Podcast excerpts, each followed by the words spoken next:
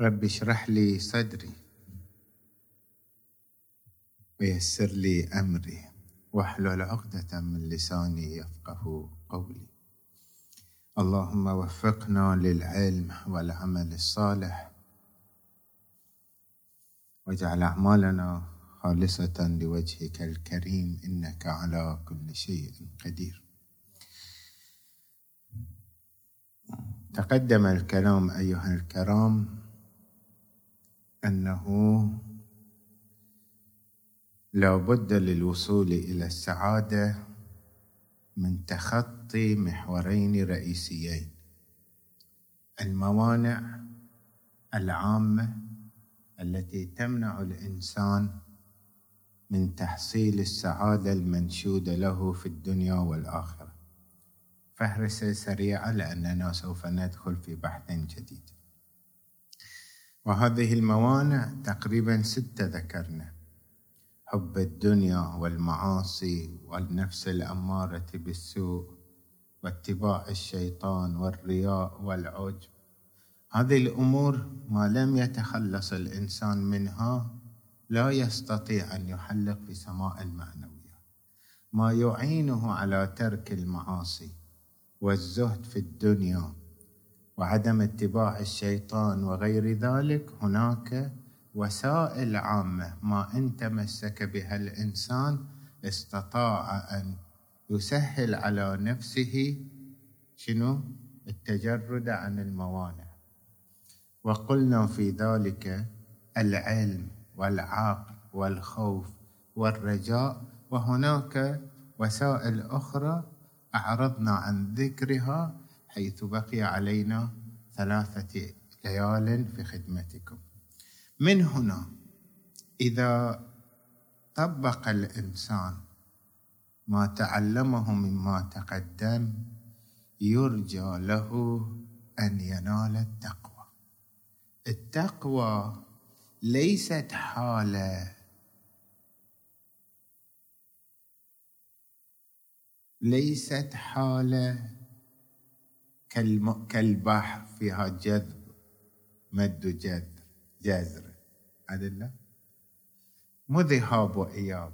حالة مستقرة في النفس كما سوف يأتي. ولكن كالعادة مو بس تقوى ينال الحب الإلهي والأنس والتسليم والتوكل والرضا.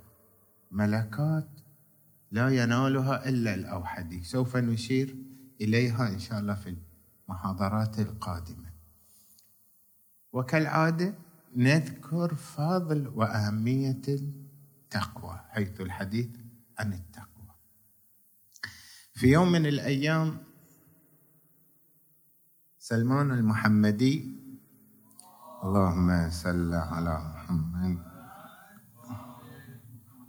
دخل مجلسا فيه رسول الله صلى الله عليه وآله. فعظموه وقدموه وصدروه. الرواية أو هذا الحدث ينقله الشيخ المفيد. حينما دخل على رسول الله وبين أصحابه عظموا سلمان وصدروه المجلس. شوي ودخل واحد تعرفونه. تضايق. رأى سلمان في صدر المجلس تضايق فقال وهو ينظر إلى سلمان من هذا العجمي المتصدر فيما بين العرب؟ وش في هذا؟ من هذا؟ ما يعرفه يعرفه بس استحقارا لقوميته. من هذا اللي مقدم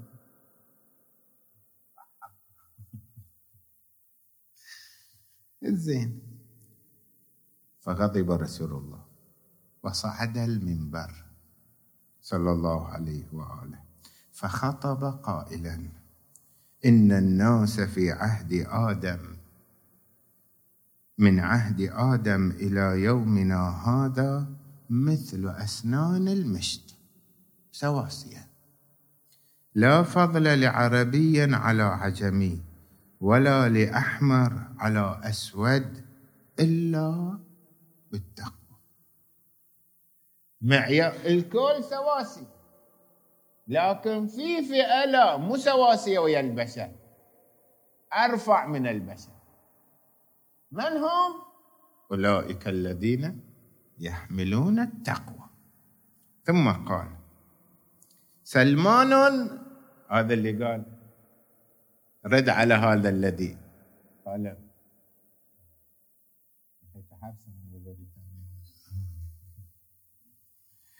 سلمان بحر لا ينزف. بحر عميق. لو ويش تتكلمون عنه؟ وعن فضائله ومقامه لا ينزف. بحر لا ينزف. وكنز لا ينفد. مو كنز أبو مليون ومليونين. غناه بالله سبحانه وتعالى وبالكنوز المعرفية والسلوكية والمعنوية التي حازها مهما تكلمتم. كنز لا ينفد لا ينتهي. سبحان الله. بعد سلمان منا أهل البيت. بعد إذا واحد أدخل لمقامه ومنزلته في مصاف أهل البيت. فوش تبغى تتكلم عنه؟ بعد.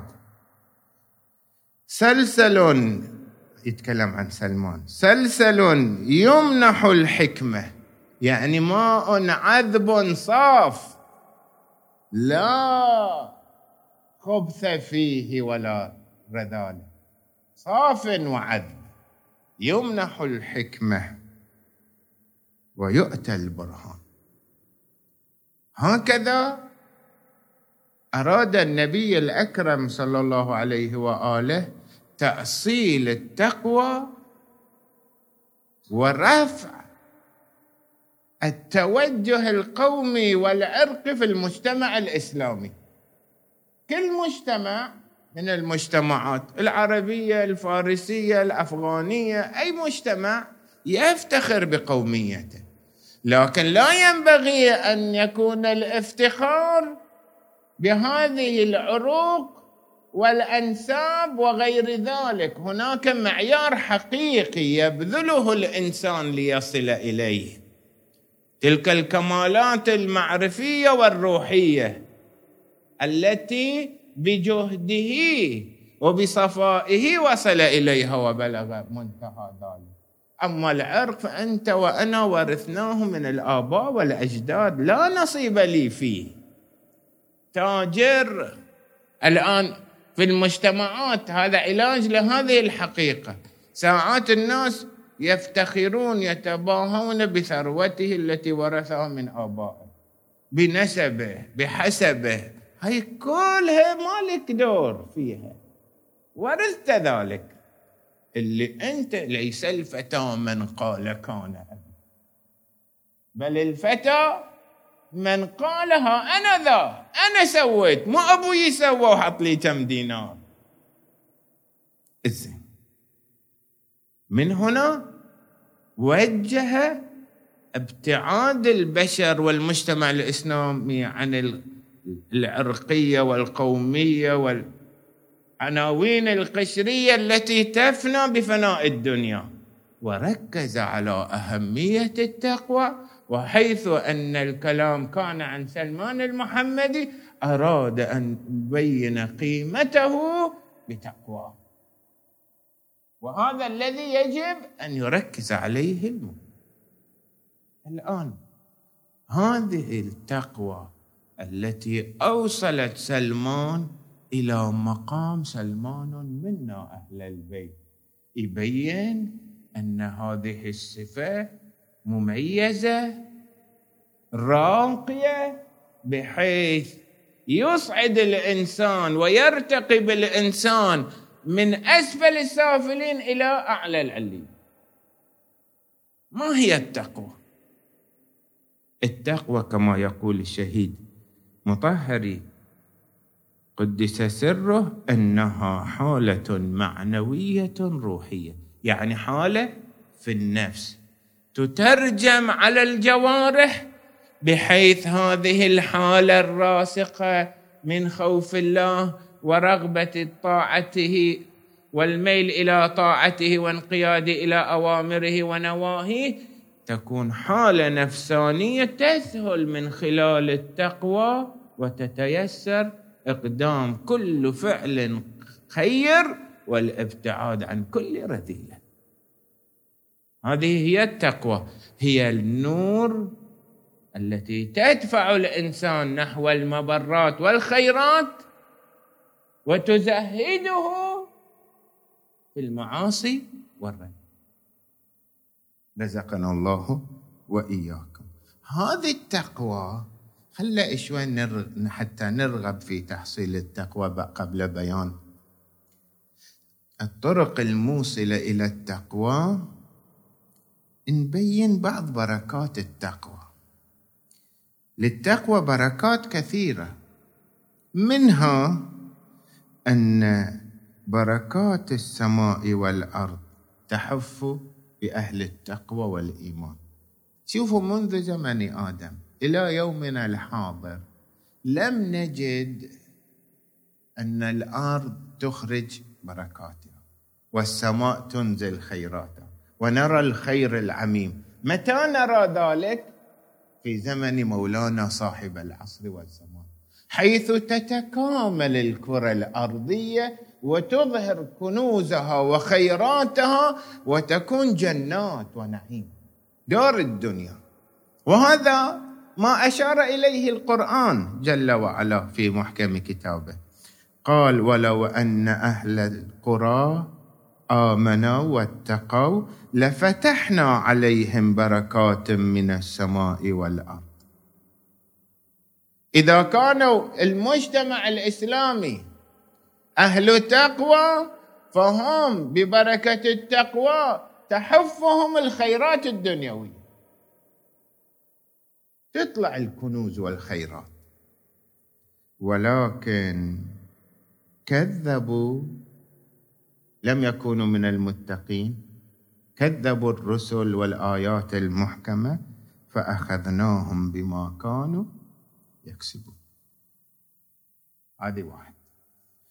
الثاني أكرم العباد كما بينا هم أهل التقوى. إن أكرمكم عند الله اتقاكم أحبهم أفضلهم أفضل البشر أحب البشر. أكرم البشر عند الله. منزله وشرف هم أهل التقوى. لأن أهل التقوى كما بينا في محاضرات سابقة وسوف يأتي حريص أن لا يفوت شيء فيه مرضاه الله. ويخشى أن يقبل على شيء فيه سخط الله. حتى المكروه. يزهد فيه. يقول فيه سخط الله. مبغوض. صح مو بمستوى الحرام بس مبغوض يبغضه الله. المتقي ما يسوي. بل أرفع من ذلك. ليش هو أكرم العباد؟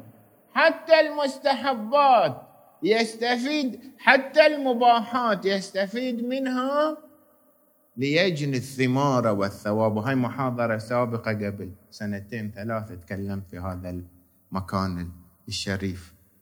بنام يسبغ الوضوء فيكون منامه في طاعة الله. يأكل ينوي التقرب إلى الله من خلال التقوي على العبادة. كل مباحاته ينوي نية قربة. بل بعضهم وهو هاي رسالة جميلة إلى الكل. أول ما تقوم صباحا أو من الآن قل يا رب إني نويت كل عمل جميل أقوم به محبوب عندك فهو قرب إليك. أبتسم في وجه فلان. أمر تحب المؤمن هشن بس. فهذا كل عباداتي إلى أن أموت. كل عمل راجح. يا رب أنا أفعله من باب التقرب إليك. فيكون ابتسامة عبادة. مسحك عبادة. نكتة طرش لواحد. إدخال السرور يكون. في ناس الله يغفر لهم قبل الإفطار بعشر ربع ساعة يطرش لك جح وعصير وما أدري شنو يحرمسك ها؟ لا وقاعد ويانا بعد. إذا كان يعني من باب إدخال السرور يكون عبادة. يكون يكون أجر. إذا كان بقصد إدخال السرور. الزين الحين نقطة مهمة. بالتقوى تقبل الأعمال.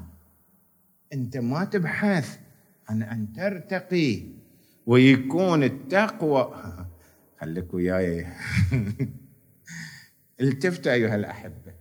إحنا ليش ما نحس ثمار الصيام والصدقة ودعاء جوشن وباكر دعاء المجير وغيره؟ ما نحس له أثر. لأنه مو متقي. إذا تبغي أن هذه الطاعات تؤتي أكلها وتلتذ بهذه الطاعات لمستقبل الأيام وتعيش حالة من الانشراح والإيمان والنورانية كن متقي كي تقبل باقي الأعمال. إنما يتقبل الله من المتقين. إذا كنت متقيا كل هذه الأعمال التي تقوم بها مقبولة فتزداد سعيا وحركة وانشراحا نحو الله. لكن إذا يوم تعصي ويوم تطيع ويوم فلان مو متقي هاي الأعمال فيها شبهة قبول. اذا علينا أن نحسم الأمر في موضوع التقوى كي نستثمر الطاعات الأخرى. ولهذا في حديث عن النبي الأكرم صلى الله عليه وآله أو عن الأمير عليه السلام يقول كونوا بقبول العمل أشد اهتماما منكم بالعمل.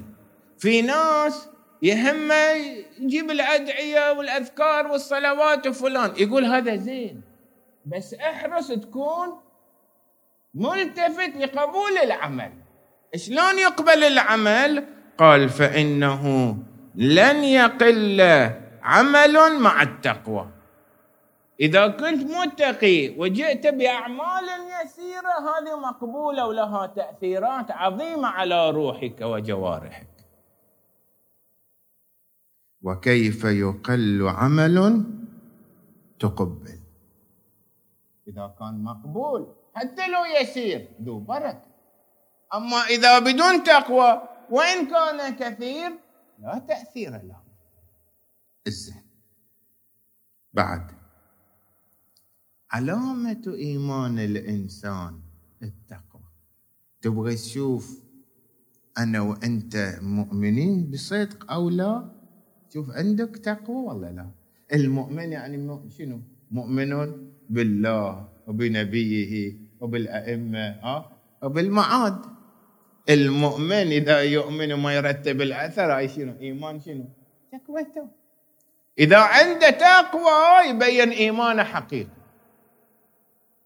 فبمقدار إذا لم نكن من أهل ارتكاب المعاصي بترك الواجب أو بفعل الحرام نحن من أهل الإيمان بحق.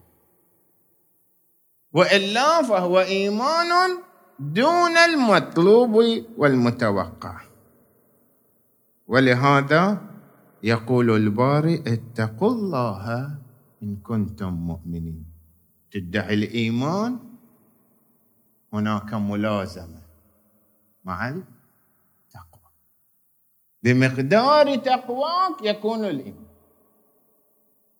صار واضح؟ شمول الرحمة الإلهية للمتقين. التقوى مفتاح الفلاح والخروج من الأزمات الدنيوية والأخروية. معروفة هذه الآية عندنا ومن يتق الله يجعل له مخرجا ويرزقه من حيث لا يحتسب. الرسول الأعظم يفسر هذه الآية يقول من يتق الله يجعل له مخرجا من شبهات الدنيا ومن غمرات الموت وشدائد يوم القيامة. كلها أنت في مأمن والله يلهمك الطريق السداد ويؤمنك من المكاره الدنيوية والأخروية. أهم شيء تحقق التقوى. شلون بعد باختصار شديد الرسول الأعظم يقول من رزق التقوى فقد رزق خير الدنيا. والآخرة. مجمع الكمالات والخيرات الدنيوية والأخروية. التقوى احفظوا هذه ويا كل خير في في الدنيا والآخرة. من هنا الإنسان يحب إنه يكون من المتقين. كيف السبيل لذلك؟ بينا سابقا الوسائل العامة. إذا تمسك الإنسان بتلك الوسائل لا جرم يصل إلى التقوى. مو يسمع يسمع ويرتب الأثر. ولكن نشير إلى بعض هذه الطرق. من جملة الطرق المفيدة. ذكرنا في باب الخوف ولكن ذكرنا بعض الجوانب. في سن الشباب مهم جدا خصوصا أكثر الحضور. بل كل الحضور بعد عشان ما يزعلون. الشيوبة بعد ها إيه إيه إيه. مهم أن نزرع الخوف. لأن الخوف مانع من ارتكاب المعاصي ودافع لإتيان الطاعات. الخوف واجد مهم. وفي بعد مراتب عالية بس يحتاج بنبينها إن شاء الله ليلة غد أو بعد غد. مراتب أعلى من هذه. بس هذه لمرحلة الشباب مؤثرة جدا ولهذا نشير إلى جوانب أخرى لم نذكر في بحث الخوف. ازرع في نفسك الخوف ولذلك مناشئ وأسباب ووسائل كثيرة.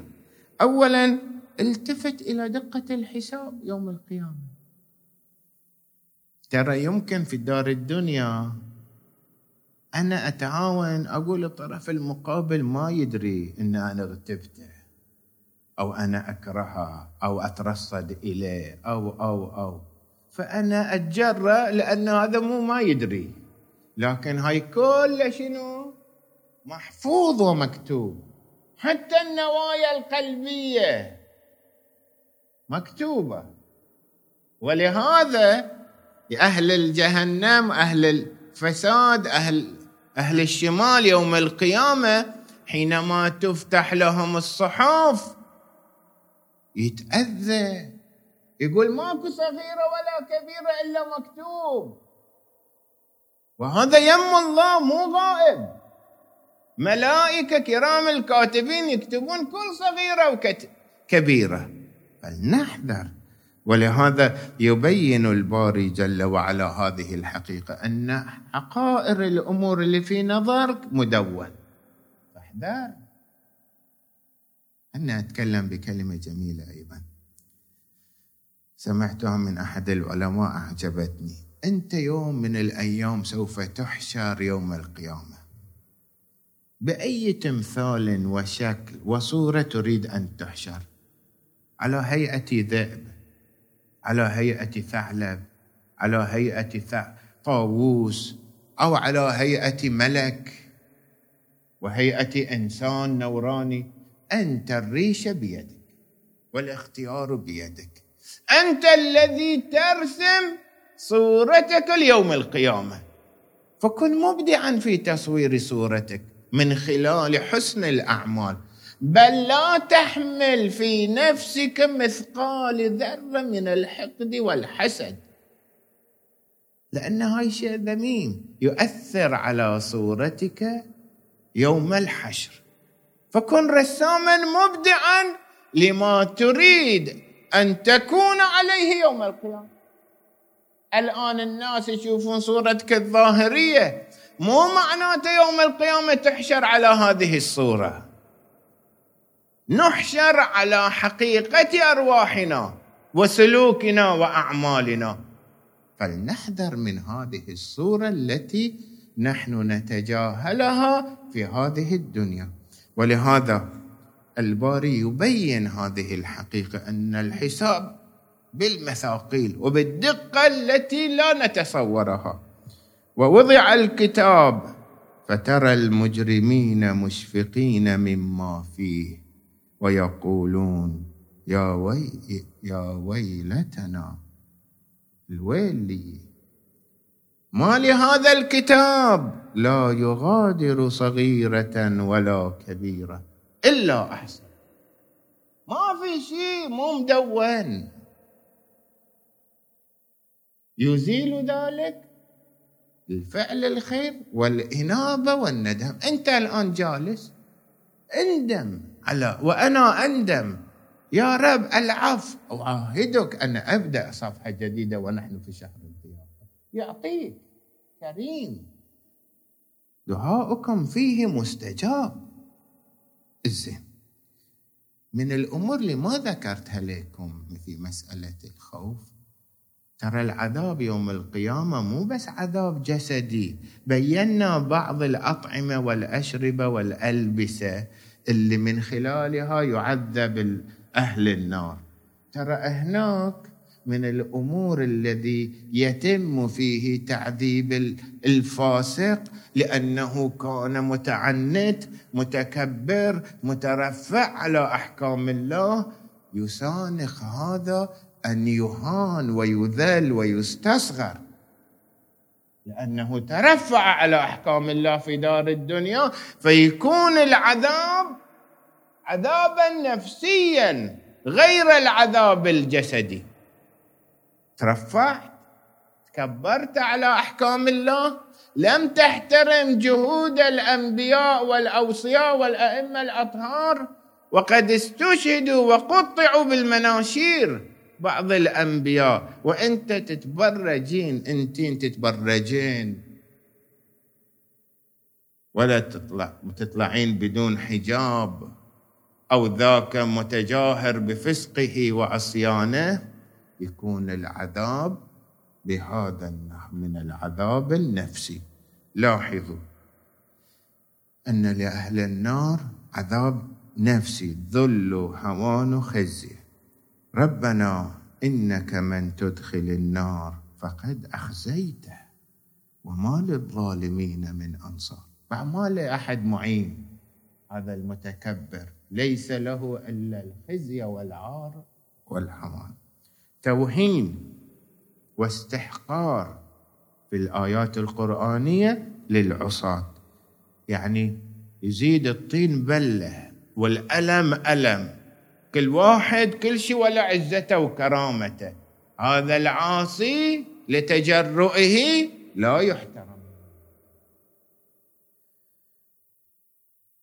ومن يعص الله ورسوله ويتعد حدوده يدخله نارا خالدا فيها وله عذاب مهين.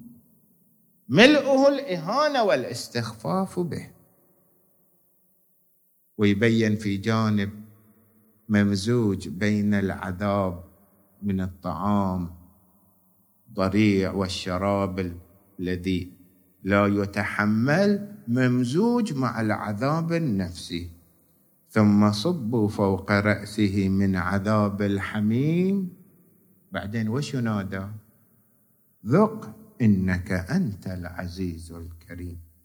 كنت ترفع على الناس وعلى الأحكام. هذا اليوم خلك كريم وعزيز في هذا العالم. يبكي يندم يصرخ لا يدفع من هنا علينا الحذر أيها الكرام. ومن الفضائح اللي أشرت إليها إشارة خاطفة أن أهل النار قبل الدخول تكشف صحيفة لأنه بيعذب خالدين فيها.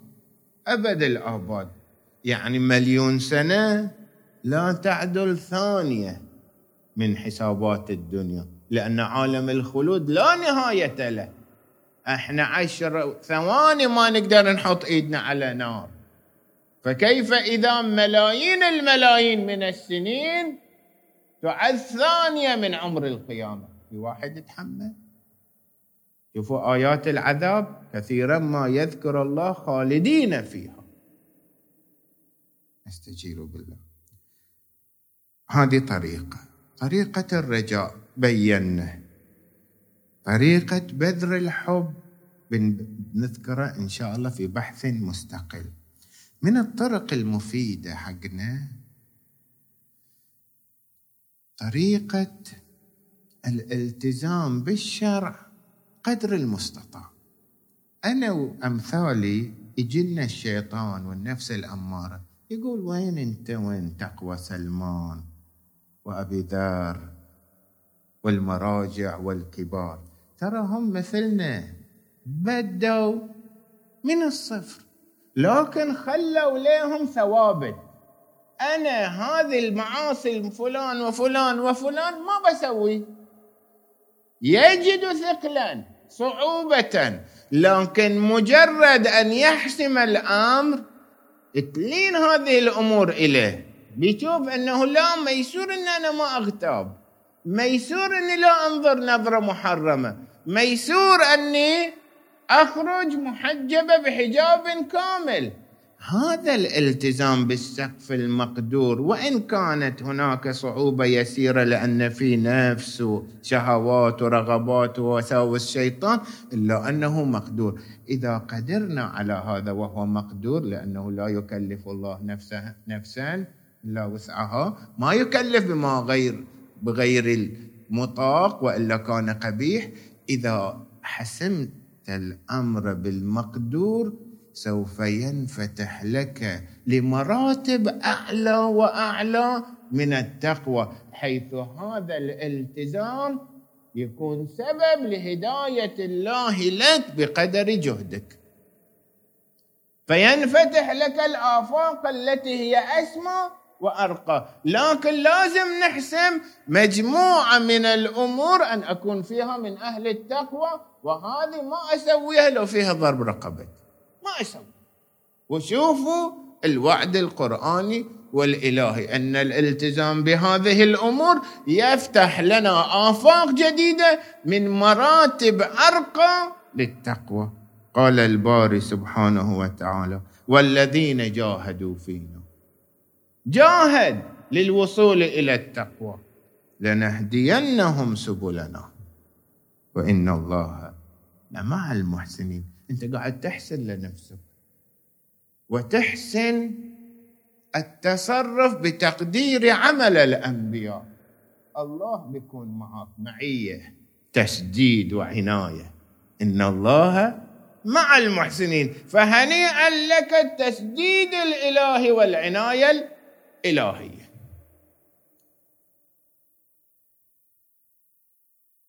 أمير المؤمنين عليه السلام. يقول اتق الله بعض التقى. ما تقدر مراتب الأولياء وأصحاب السير والسلوك؟ هل عندك ثوابت من التقوى؟ المعاصي التي أرتكبها أعرفها. أحاول ان أمحيها. أقرأ عن الغيبة أقرأ عن أي شيء أنا مبتلى به. كتب كتاب ذنوب الكبيرة مفيدة للمعاصي. أكثر من مرة في هذا المكان أنا ذكرت هذا الكتاب. أقرأ بحيث أكره وأزهد. هذا يفتح لك آفاق جديدة. أمير المؤمنين يقول اتق الله بعض التقى وان قل واجعل بينك وبين الله سترا وان رق خل بينك وبين الله حجاب من الأدب. لا تهتك الستر الله ساتر عليك. وحافظنك من الضياع. وأظهر الجميل وستر القبيح. تأدب. هذا التأدب يفتح لك آفاق جديدة. في رواية معروفة سامعينها. أحد أصحاب في زمن أمير المؤمنين عليه السلام أيام خلافته الظاهرية جابوا له واحد سارق. وأراد أن يقيم عليه الحد. قال له قبل ما أقيم الحد عليك أسألك سؤال. أنت مو أول مرة سرقت صح؟ قال نعم يا أمير المؤمنين مو أول مرة. شلون دريت؟ قال لأن الله ستار. ما يفضح الواحد مرة ومرتين يسرق. لكن أنت مدمن سرقة. شافك مو متأدب. قال بعد خلينا نقيم على الحد عشان ما يصير هرج ومرج. أنا أنا وأمثالي أيها الكرام الله يستر علينا. فلا تهتكون الستر مع الله. بعدين يغضب الله علينا يقول لك افعل ما تشاء فقد رفعت عنك عنايتي. وينفضح في الدنيا قبل الآخرة. ما دام أظهر الجميل وستر القبيح اعلم أنه ينظر إليك بعين الود. فاستغل هذا الأمر ولا تتجرأ ولا أتجرأ على الله. أمير في رواية أخيرة وأنهي به الحديث وصية إذا عملنا بها نجد للتقوى طعم وثقوا يوم بعد يوم إن شاء الله نزداد انسا بين يدي الله. رواية جدا عظيمة وموجودة في كتاب الذنوب الكبيرة. اللي قلت لكم للسيد دستغي يقول جد هاي الرواية من أيام الشباب يعني قبل 35 سنة أنا هاي الرواية متأثر منها. يعني في بالي وحافظينها لشدة جمالها وأنهي بها بها الحديث. جدوا واجتهدوا وصية من المعصوم. كان عندك همة. وإن لم تعملوا فلا تعصوا. إذا ما تقدر تسوي المستحبات لا تسوي المحرمات لا تترك واجب لا تقدم على محرم مستحبات إليك. دعاء المجير ما تقرأ لا تقرأ بس التزم بالواجبات والمحرمات ما تسويها. جدوا واجتهدوا وإن لم تعملوا فلا تعصوا. أهم شيء خل بينك وبين الله ستار وحجاب من الأدب. فإن بعدين يبين الإمام. فإن من يبني ولا يهدم يرتفع بناءه وإن كان يسيرا. إذا واحد يبني كل كل كم من يوم يحط طابوقة طابوقة طابوقة. عقب سنة سنتين بينبنى. لكن اليوم يحط طابوقتين وباكر يشيل ثلاث. ما بيخلص الفنديشن. لو مئة سنة. أنا وأمثالي ترى كذي. نبني ونهدم وإن من يبني ويهدم يوشك أن لا يرتفع له بناء. هل ناخذها؟ هذه ضابطة في حياتنا. ننال التقوى والقرب من الله سبحانه وتعالى وصلى الله على محمد وآل محمد.